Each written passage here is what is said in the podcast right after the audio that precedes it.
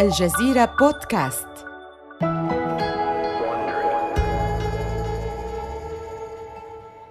إنها منتصف الستينيات. تجد شركة دي سي نفسها في ورطة. أقوى ناشري قصص الأبطال الخارقين تخرج مهزومة في أعقاب معركة خاضتها ضد منافس لم يكن بالحسبان. لقد مرت بضع سنوات منذ أطلقت مارفل كوميكس عدداً من شخصيات الأبطال الخارقين الجدد. تزدهر مبيعاتها وتسجل حضوراً متميزاً. في نفس الوقت الذي كانت فيه مبيعات دي سي تتباطأ رغم امتلاكها بعض الشخصيات الخيالية الأكثر شهرة في العالم. بما في ذلك سوبرمان، وندر وومان وباتمان. لم تكن الأمور على ما يرام بالنسبة لدي سي. تشعر الشركة باليأس والعجز إزاء نزيف المبيعات المتدهورة وتحاول تقليل حجم الخسائر المحتملة بأي شكل ممكن. لذا تلجأ دي سي لما تفعله أي منظمة كبيرة وبيروقراطية في مثل هذه الظروف. تدعو إلى اجتماع. يجتمع مديروها التنفيذيون ومحرروها وغيرهم في قاعة مؤتمرات بالطابق العاشر من مقرها الرئيسي في منهاتن في محاولة لفهم أسباب نجاح مارفل. يعلق شخص ما بعض أغلفة مارفل على الجدران بينما يوزع آخر نسخا من مجلاتها عبر الطاولة. يشير رئيس دي سي إروين دوننفيلد ببدء الاجتماع. حسنا لنبدأ الاجتماع. الأطفال منبهرون حقا بقصص مارفل الجديدة. الجميع بالطبع يعلم أن قصصنا هي الأفضل وبالتالي فإن السؤال أمامنا هو لماذا اتجه القراء فجأة لشراء تلك القصص؟ هل لدى أحدكم أي إجابة؟ هيا أي شيء؟ نعم أنت في الخلف. لاحظت أن مارفل تستخدم اللون الأحمر كثيرا على أغلفتها ربما يحبذ الأطفال هذا اللون. نعم حسنا. هل من شيء آخر؟ انظروا إلى أسلوب رسومات مارفل. إنه بدائي وبسيط بلا تفاصيل. إنه ليس متقنا مثلنا. ربما يحبها الأطفال لأنها تبدو مثل الأشياء التي يرسمونها بأنفسهم. نعم هذا ممكن. دعونا نفكر في أن نطلب من بعض الفنانين لدينا أن يرسموا بأسلوب أسوأ. إذن. سيدي انظر إلى هذا العدد من سبايدر مان. انظروا إلى هذا. هناك ثلاث صفحات بأكملها تروي فقط محادثة تدور بين بيتر باركر وعمته. من المؤكد أن القراء يشعرون بالملل الشديد بسبب هذه المماطلات. حسنا لكن القراء لم يشعروا بالملل قط ودي سي لم تدرك المغزى تماما. كان من المفترض أن تكون هذه لحظة تقييم حقيقية لأسباب تقصير دي سي. تمكنها من إيجاد طريق للنجاة. لكن بدلا من ذلك فإن غفلة دي سي تعطي مارفل فرصة كبيرة فرصة لكسب المزيد من النقاط ضد منافستها.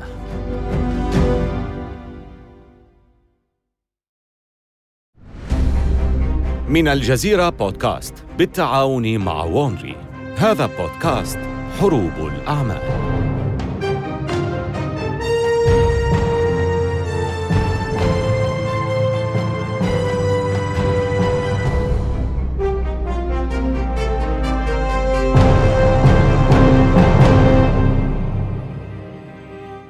في حلقتنا السابقة رأينا كيف تألقت مارفل مطلع الستينيات بسلسلة مبتكرة من قصص الأبطال الخارقين الجدد. هذه هي الحلقة الثالثة المقلد. الكاتب والمحرر ستان لي والفنان جاك كيربي وغيرهما أبدعوا مجموعة جديدة من الشخصيات. في البداية The Fantastic Four، ثم تلاها هولك وسبايدر مان وإكس مان وغيرها الكثير. شخصيات مارفل واضحة ومميزة. أما دي سي أكبر لاعب في هذا المجال. حسنا. لقد أصبحت صورتهم باهتة وبالية. وكما سمعنا للتو بعضا مما دار في تلك الاجتماعات العديمة الجدوى نستطيع أن نقول إن دي سي في منتصف الستينيات لم تكن تمتلك القيادة القادرة بالفعل على مواجهة تحديات مارفل. يجري المديرون التنفيذيون بسذاجة بعض التغييرات السطحية لمنافسة مارفل، لكنهم لا يفهمون السبب الحقيقي لرواج قصص مارفل وشعبيتها الواسعة. في هذه الأثناء، وعلى بعد بضعة مبان وسط منهاتن، تجد أخبار هذه الاجتماعات المتخبطة طريقها إلى أذن ستان لي، فيقرر مباشرة وضع خطة سادية لتصيد منافسته. أي تغيير سوف تقوم به دي سي في أثناء محاولتها محاكاة مارفل سوف تتفاجأ بتوقف مارفل عن القيام به. لقد أصبح الأمر مسلياً ودي سي أضحت مثل قط يطارد خيالاً لا يستطيع الإمساك به.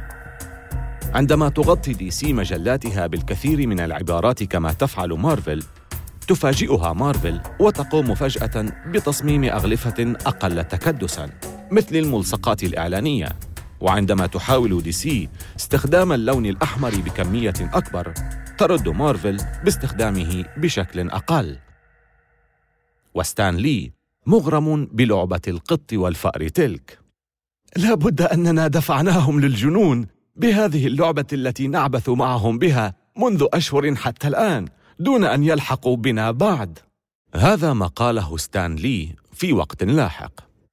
أما دي سي فلم تكن تظهر للجمهور أنها تهتم بأمر مارفل على الإطلاق. استمع إلى أحد أكبر مسؤولي دي سي محرر سوبرمان. متحدثاً عن مارفل في مؤتمر القصص المصورة عام 1965 للعلم نحن نبيع سبعة ملايين نسخة من جميع مجلات دي سي وهم يبيعون مليون نسخة فقط. أعتقد أن المنافسة ظاهرة صحية. واعتقد أيضا أنهم أنعشوا المجال قليلا وأننا ساعدنا في تحريكه أيضا. لكن الحقيقة هي أننا لا نعرف من الذي يقلد من. رئيس دي سي إروين داننفيلد سرعان ما يتوصل لنظرية أخرى تفسر سبب شعبية مارفل السريعة وهي نظرية مدهشة حقا. إنه يظن أن القراء يشترون مارفل عن طريق الخطأ. أي بحسب وجهة نظره. يعمد القراء إلى شراء دي سي كوميكس لكن يختلط عليهم الأمر ويشترون مارفل عن طريق الخطأ. نعم هذه هي نظريته حقا. من الواضح أنه لا يراهن كثيرا على ذكاء قرائه لكنه يجد حلا لهذه المشكلة المفترضة. من أجل إبراز قصص دي سي وتمييزها في أرفف أكشاك بيع الصحف أمر أن يتم تزيين كل منشورات الشركة بشريط مربعات أبيض وأسود على الطرف العلوي من الغلاف. دي سي تسميها جو جو تشيكس اسم غريب أليس كذلك؟ ينشر التصميم الجديد لأول مرة أواخر عام 1965 وقد كتب على أحد الإعلانات تأكد مرتين قبل أن تشتري دي سي يتحقق القراء مرتين فعلا وخمن ما يشترون. إنهم يشترون مارفل. الحملة الترويجية باءت بالفشل وحققت تاثيرا عكسيا. فشريط المربعات اعلى الأغلفة جعل من السهل على القراء تخطي منشورات الشركة تماما. وهكذا تراجعت مبيعات دي سي أكثر وأكثر. قال أحد فناني دي سي في وقت لاحق إنها كانت أغبى فكرة سمعناها على الإطلاق. وفي العام التالي في عام 1966 تجد دي سي فرصة لالتقاط أنفاسها. لم تطور أسلوبها أو تغير من طريقة رسم قصصها بل جاءتها الفرصة من طريق آخر.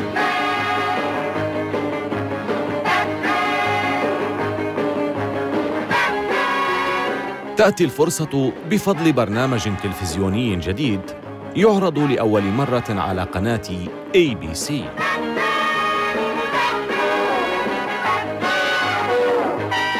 كان المسلسل مبتذلا، لكن هذا جزء من سحره.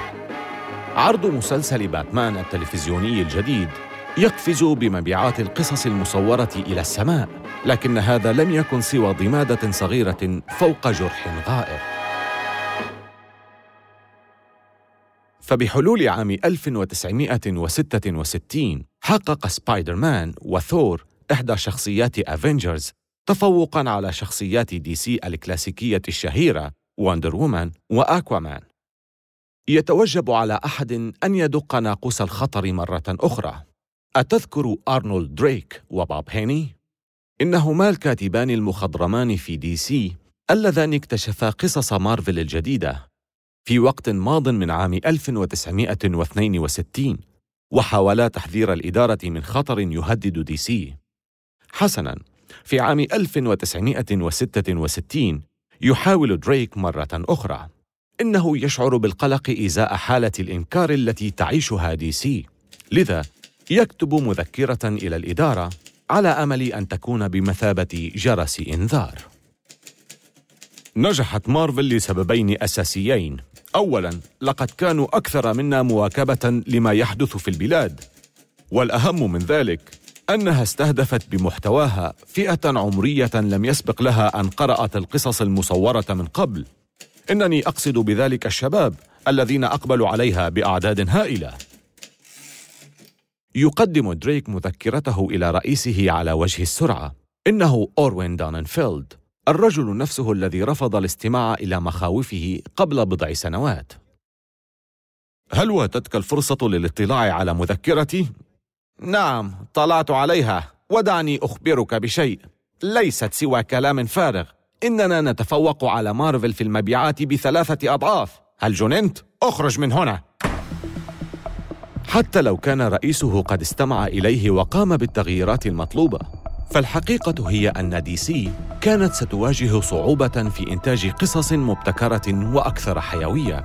فالكثير من موظفيها يتقدمون في العمر ويتجهون نحو الشيخوخة بسرعة وهم بالتالي يبتعدون يوما بعد يوم عن الجمهور الأصغر سنا. مسؤول تحرير سوبرمان على سبيل المثال على وشك إتمام الخمسين من عمره وتفكيره محافظ إلى أقصى حد. باب كين الرجل الذي شارك في تأليف باتمان عام 1939 وهو رجل ذو مواهب فنية محدودة. إنه لا يزال مسؤولا عن الشخصية رغم أنه في منتصف الستينيات. لابد أن تهب رياح التغيير على دي سي بأي شكل. وإن لم يحدث ذلك فإن قطار المستقبل المسرع سوف يدوسها بلا رحمة ويودعها أدراج النسيان. أخيراً في عام 1967 تتغير الأحوال. يتم بيع دي سي إلى شركة تعرف باسم كيني ناشونال سيرفيسز وهي مجموعة مهتمة بالاستحواذ على الشركات أيا كان مجالها بما في ذلك مواقف السيارات وخدمات التأجير وغير ذلك. ستشتري وارنر براذرز دي سي في وقت لاحق لتصبح الشركة قسما من أقسام عملاق صناعة الأفلام. ولكن في الوقت الراهن فإن المالكين الجدد يجبرون رئيس دي سي على ترك منصبه ويقومون بتقليل عدد المحررين وإنهاء خدمة الكهول وكبار السن وضخ دماء جديدة. ولأول مرة منذ عقود يتم دعوة المؤلفين والفنانين الجدد للعمل في دي سي. في رئاسة التحرير يختار المالكون الجدد رجلا يدعى كارماين إنفانتينو. كان اختيارا غريبا حقا لأن إنفانتينو ليس كاتبا أو حتى محررا بل هو فنان. إنه من مواليد حي بروكلين في مدينة نيويورك. نشأ فقيرا خلال فترة الكساد الكبير وعندما كان مراهقا حصل على وظيفة مساعد لرسام قصص مصورة. وبعد ذلك انضم إلى دي سي وتولى إعادة إطلاق سلسلة فلاش عام 1956 وهو ما فتح الباب لظهور الأبطال الخارقين مرة أخرى في أواخر الخمسينيات. يجلب إنفانتينو إلى دي سي عقلية مقاتلي الشوارع. إنه يرى نفسه رجلا قويا ويمكن أن يكون قاسيا وسليط اللسان أيضا. وفي وقت لاحق من المستقبل سوف يصف إنفانتينو وضع دي سي حين تولى رئاستها. كانت مارفل توسع دي سي ضربا. وكانت دي سي عالقة في حقبة زمنية مضت غير آبهة بشيء حتى جاءت مارفل بمحتواها الجديد اللامع الذي تجاوز دي سي بمراحل. كانت دي سي بحاجة إلى من يهزها بقوة لتستعيد مجدها. ولهذا السبب وضعوني هنا لكي أقوم بذلك. مع وجود المواهب الجديدة في كل الأركان قامت دي سي بتقديم أفكار وقصص جديدة. إنها محاولة يائسة لمحاكاة ما جعل مارفل ناجحة أو على الأقل ما اعتقدوا أنه كان سبباً في نجاح مارفل. اتضح أن محاكاة روعة مارفل ليست بهذه السهولة التي تصوروها والعديد من محاولات دي سي في أواخر الستينيات للتجديد ليست إلا محاولات محرجة للغاية. إحدى القصص الجديرة بالامتعاض كانت تدعى Brother Power the Geek. لم يكن العنوان سوى محاولة صارخة للاستفادة من حركة الهيبيز في ذلك الوقت. وكانت القصة تدور حول دمية متجر تبعث للحياة بشكل سحري وتنضم إلى مجموعة من البؤساء في مقاطعة هيت أشبري بكاليفورنيا. لقد حاولت الشركة محاكاة أسلوب ستان لي اللاذع في السخرية. فتسلل الحوار المليء بالكلمات العامية ولغة الشارع إلى صفحات دي سي. Let's rap هذا ما يقوله سوبرمان للقراء في أحد الإعلانات التلفزيونية المربكة عام 1970 تحاول الشركة تقديم بعض شخصياتها إلى الجمهور الحديث بأغرب الطرق. على سبيل المثال هناك شخصية ثانوية في سلسلة جرين إيرو وقد ظهرت هذه الشخصية أول مرة عام 1941 تتجه إلى إدمان المخدرات وتحصل واندر وومن على مظهر جديد. فتظهر على غلاف عدد أكتوبر عام 1968 بزي مختلف عن ثيابها المألوفة بالأحمر والأبيض والأزرق. فتظهر بفستان باللونين الأرجواني والأبيض وسروال من الجلد الأسود. وفي إحدى قصص العدد تفقد قواها بالكامل وتتجه لفتح محل للملابس العصرية في مدينة نيويورك. ولكن أكثر تلك القصص غرابة. كان من نصيب حبيبة سوبرمان لويس لين التي تسعى وراء حلمها الرومانسي الرجل الحديدي. ولكن في محاولة لمحاكاة واقعية العالم الحقيقي تأتي إحدى القصص في العدد رقم 106 تحت عنوان أنا إفريقية فضولية. وفيها تستخدم لين آلة التحول الخاصة بسوبرمان لتحويل نفسها إلى امرأة إفريقية ليوم واحد حتى تتمكن من التحقيق في قضية بحي ليتل أفريكا بمتروبوليس. لا يمكنك أن تتخيل ذلك. أليس كذلك؟ لكن هذا ما حدث بالفعل. وعلى أي حال لم تنجح أي من هذه المحاولات. وبقيت المبيعات راكدة وتم إلغاء العديد من القصص الجديدة بسرعة. قصة Brother Power the Geek على سبيل المثال يستمر بطل القصة بتصرفاته الخرقاء في عددين آخرين قبل أن يطرح أرضاً ويتم التخلص منه. لا تزال قصص سوبرمان تحقق أعلى نسب مبيعات، لكن مارفل تقترب. فسلسلة سبايدر مان المذهل تنضم إلى قائمة أفضل عشر قصص للمرة الأولى في عام 1969 وسلسلة The Fantastic Four تلحقها بعدها. لذا يتساءل موظفو دي سي ماذا يمكن أن تفعل الشركة الآن؟ لقد حاولوا محاكاة مارفل بشكل سطحي دون أي نجاح. لذلك كما يقول المثل إذا لم تتمكن من التغلب عليهم فانضم إليهم أو في هذه الحالة اجعلهم ينضمون إليك. في عام 1969 قررت دي سي سرقة أحد رجال مارفل. الرجل الذي يعتبر بعد ستان لي المسؤول الأكبر عن نجاح الشركة جاك كيربي. والإشاعات المتداولة تقول إن كيربي قد طفح به الكيل.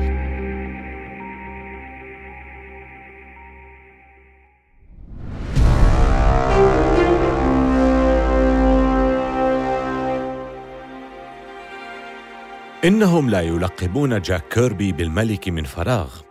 هذا الفنان المخضرم تعاون مع ستان لي ابتداء من عام 1961 لابتكار الكثير من شخصيات مارفل التي لا نزال نستمتع بها حتى يومنا هذا. The Fantastic Four هالك ثور إكس مان بلاك بانثر و The Inhumans كل هذه الشخصيات نشأت جزئياً من مخيلة جاك كيربي الخصبة وكانت رسوماته ذات ذوق رفيع وطابع مميز مما جعل مارفل تتميز بين منافسيها بما فيهم دي سي أتذكر عندما سخر المديرون التنفيذيون في دي سي من الرسومات السيئة لمارفل في اجتماعاتهم؟ تلك الرسومات ربما كانت لكيربي وصحيح أن رسوماته قد تبدو حوافها حادة وغير مستوية وربما مبهمة قليلا ولكن معظم القراء يجدون الإثارة في لوحة واحدة من لوحات كيربي أكثر مما يجدونه من عشر لوحات من رسوم دي سي النموذجية. كان جاك كيربي يرفع اسم مارفل أكثر ويضع أسس كتابة قصص الأبطال الخارقين الجدد.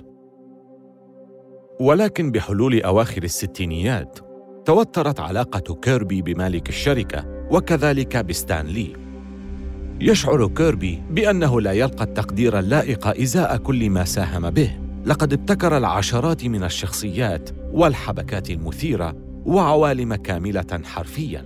ولكن يبدو أن لي المتعطش للدعاية ينسب فضل نجاح مارفل كله لنفسه ولقد ضاق كيربي ذرعا بهذا الوضع. ثم في عام 1966 نشرت صحيفة نيويورك هيرالد تريبيون مقالا بارزا عن الثنائي ستان لي وكيربي. يصور المقال لي على أنه العبقري الوسيم الذي يقف وراء نجاحات مارفل. ثم يذكر كيربي فقط في سطور سريعة وبأسلوب باهت في ختام المقال. في الواقع هكذا وصف المقال كيربي. رجل في منتصف العمر ذو جفون منتفخة وبدلة فضفاضة يدخن سيجاره الأخضر الضخم بشراهة. وإذا وقفت بجانبه في مترو الأنفاق فربما تظن أنه مساعد كبير العمال في أحد المصانع. أوه! مساعد كبير العمال؟ الإهانة لا تمر بسلام على كيربي لا سيما وأنه كان رئيس لي ذات يوم. ففي عام 1939 تم تعيين لي كمساعد كيربي. كيربي أكبر من لي ببضع سنوات ويتذكر حينما كان يرى لي مزعجا في شبابه. كان لي على حد تعبير كيربي إنسانا مزعجا. الآن انقلبت الموازين. لي لم يعد مساعدا مبتدئا فهو مسؤول عن الشركة بأكملها اليوم وهو رئيس كيربي الآن. هذا التحول لم يكن سهلا على كيربي وظل يؤرقه منذ ذلك الحين مما أفضى في النهاية إلى نشوء علاقة متوترة بينه وبين لي وفي عام 1965 يقوم لي وكيربي بعمل فقرة هزلية معا في تسجيل بعنوان أصوات مارفل من جعلك رئيس المحررين يا لي؟ حسنا يا جاك كيربي وجه بضع كلمات إلى الجمهور. حسنا بضع كلمات. انظر يا صديقي سأهتم أنا بأمر السخرية هنا لكنك تلقي نفس النكات منذ سنوات. في إطار المزاح والكوميديا تظهر تلميحات بحقيقة مشاعرهما المستترة تجاه بعضهما. المسمار الأخير في نعش علاقتهما دق في عام 1969 عندما قدمت مارفل لكيربي عقدا جديدا.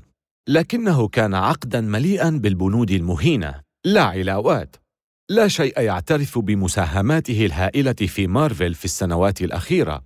والسطور الدقيقة في نهاية العقد توجب على كيربي التغاضي عن حقه في مقاضاة مارفل. كيربي يدرك أن بعض فناني القصص المصورة حاولوا مقاضاة شركاتهم.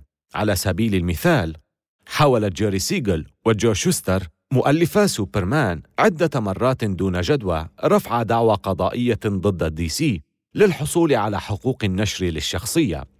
وقبل ذلك بسنتين فقط كان شريك كيربي السابق قد رفع دعوى قضائية ضد مارفل محاولا استعادة حقوق نشر كابتن أمريكا وفشل هو الآخر. بعبارة أخرى، دي سي ومارفل تدركان جيدا قيمة هذه الشخصيات، ولذا بدأ باتخاذ خطوات للتأكد من بقائها مملوكة بأيديهما. وفجأة يتلقى كيربي رسالة إنه يعيش في مقاطعة أورنج بكاليفورنيا في مدينة إيرفاين تحديداً وهي بلدة مشمسة على بعد نحو 60 كيلومتراً جنوبي لوس أنجلوس. انتقل كيربي وعائلته إليها من أجل صحة ابنته وهي الخطوة التي أخرجته أيضاً من ظلام القبو الذي بقي فيه لسنوات طويلة ووصفه بالزنزانة. كان كيربي ينعم بشمس كاليفورنيا حين اتصل به كارماين إنفانتينو مدير تحرير دي سي الذي يعمل على برنامج رسوم متحركة الآن في هوليوود ويرغب في رؤية كيربي. مجتمع القصص المصورة صغير وكلا الفنانين يعرفان بعضهما منذ سنوات وتقاطعت طرقهما عدة مرات. لذا يتفقان على المقابلة لقضاء بعض الوقت سوياً وبينما يتناولان وجبة غداء. فاجأ كيربي إنفانتينو وأخرج ثلاثة أغلفة أولية رسمها لسلسلة جديدة محتملة. ألقي نظرة على هذه يا كارماين. إنه شيء كنت أعمل عليه منذ فترة. Wow إنها مثيرة حقا يا جاك. متى تنشرها إذن؟ لا أرغب في نشرها مع مارفل. لذا هل لديك عرض تقدمه لي؟ إنفانتينو لا يحتاج لسماع السؤال مرتين. أعظم فنان في المجال يقفز عن متن سفينة شركته ومعه قد يأتي سر نجاح مارفل. لذا يقدم إنفانتينو لكيربي عرضاً على الفور. سيدفع له أكثر من الخمسة والثلاثين ألف دولار التي كان يجنيها من مارفل في العام الواحد. وهكذا تم الاتفاق. تنتشر أخبار الاتفاق بينهما في الثاني عشر من مارس عام 1970 أحدثت سرقة دي سي لكيربي تطوراً هاماً في تاريخ القصص المصورة. كان له تأثير كبير فيما بعد حتى على مشجعي المجال والعاملين به أيضاً. كانت فكرة وجود مارفل دون جاك كيربي عصية تماماً على التصديق. بل يصعب تخيلها في الأساس. وبالعودة مرة أخرى إلى مارفل يرتدي فريق العمل قناع الشجاعة. أحد الموظفين الخبثاء يثبت واحدة من أعقاب سيجار كيربي القديمة إلى الجدار مع ملاحظة تقول استقلت وفي سبتمبر عام 1970 يقلل عمود لي من شأن استقالة كيربي غير المتوقعة. هذا هو وضعنا الحالي. نعاني من نقص في الموظفين والعاملين والتغذية لكننا واثقو الخطى متفائلون كما اعتدنا دائما. ومع ذلك يخفق لي في كبت شعوره الخفي بالحزن ويتساءل لماذا تركه كيربي؟ ولكنه في وقت لاحق يقدم تفسيرا لما حدث. عندما ذهب إلى دي سي أصر على أن يكون الكاتب والمحرر والفنان وقلت لنفسي ربما قد سئم من أن تخرج القصص دوما مذيلة بعباره بقلم ستان لي وجاك كيربي والتي يشار إلي فيها بالمحرر. أعتقد أنه أراد أن يثبت أنه قادر على النجاح بدوني لكن ليس لدي أي طريقة لمعرفة ما إذا كان هذا صحيحا. هل كانت هذه التراكمات هي ما دفع كيربي لترك مارفل والتوجه نحو دي سي؟ المزيد من المال؟ ربما كلاهما. لكن كيربي يستغل انتقاله إلى دي سي. ليس فقط لتحقيق ذاته كما يعتقد لي ولكن ليوجه ضربة قوية لمارفل كذلك. إنه كموظف سابق فيها يعرف بالضبط أين تكمن نقاط ضعفها وسوف يستخدم تلك المعرفة كسلاح من شأنه تصعيد معركة مارفل ودي سي والارتقاء بها إلى مستوى جديد. أسوأ وأكثر خصوصية. آمل أن تكونوا قد استمتعتم بهذه الحلقة من حروب الأعمال. استمعوا إلى حلقاتنا عبر Apple Podcast و Google Podcast وشاركوها مع أصدقائكم. ولا تنسوا زيارة موقعينا على الإنترنت podcast.aljazeera.net وwandry.com وملاحظة سريعة حول المحادثات التي سردناها. لا يمكننا أن نعرف بالضبط ما قيل ولكن هذا الحوار مبني على أفضل الأبحاث التي قمنا بها. قدم هذه الحلقة في نسخة اللغة الإنجليزية ديفيد براون.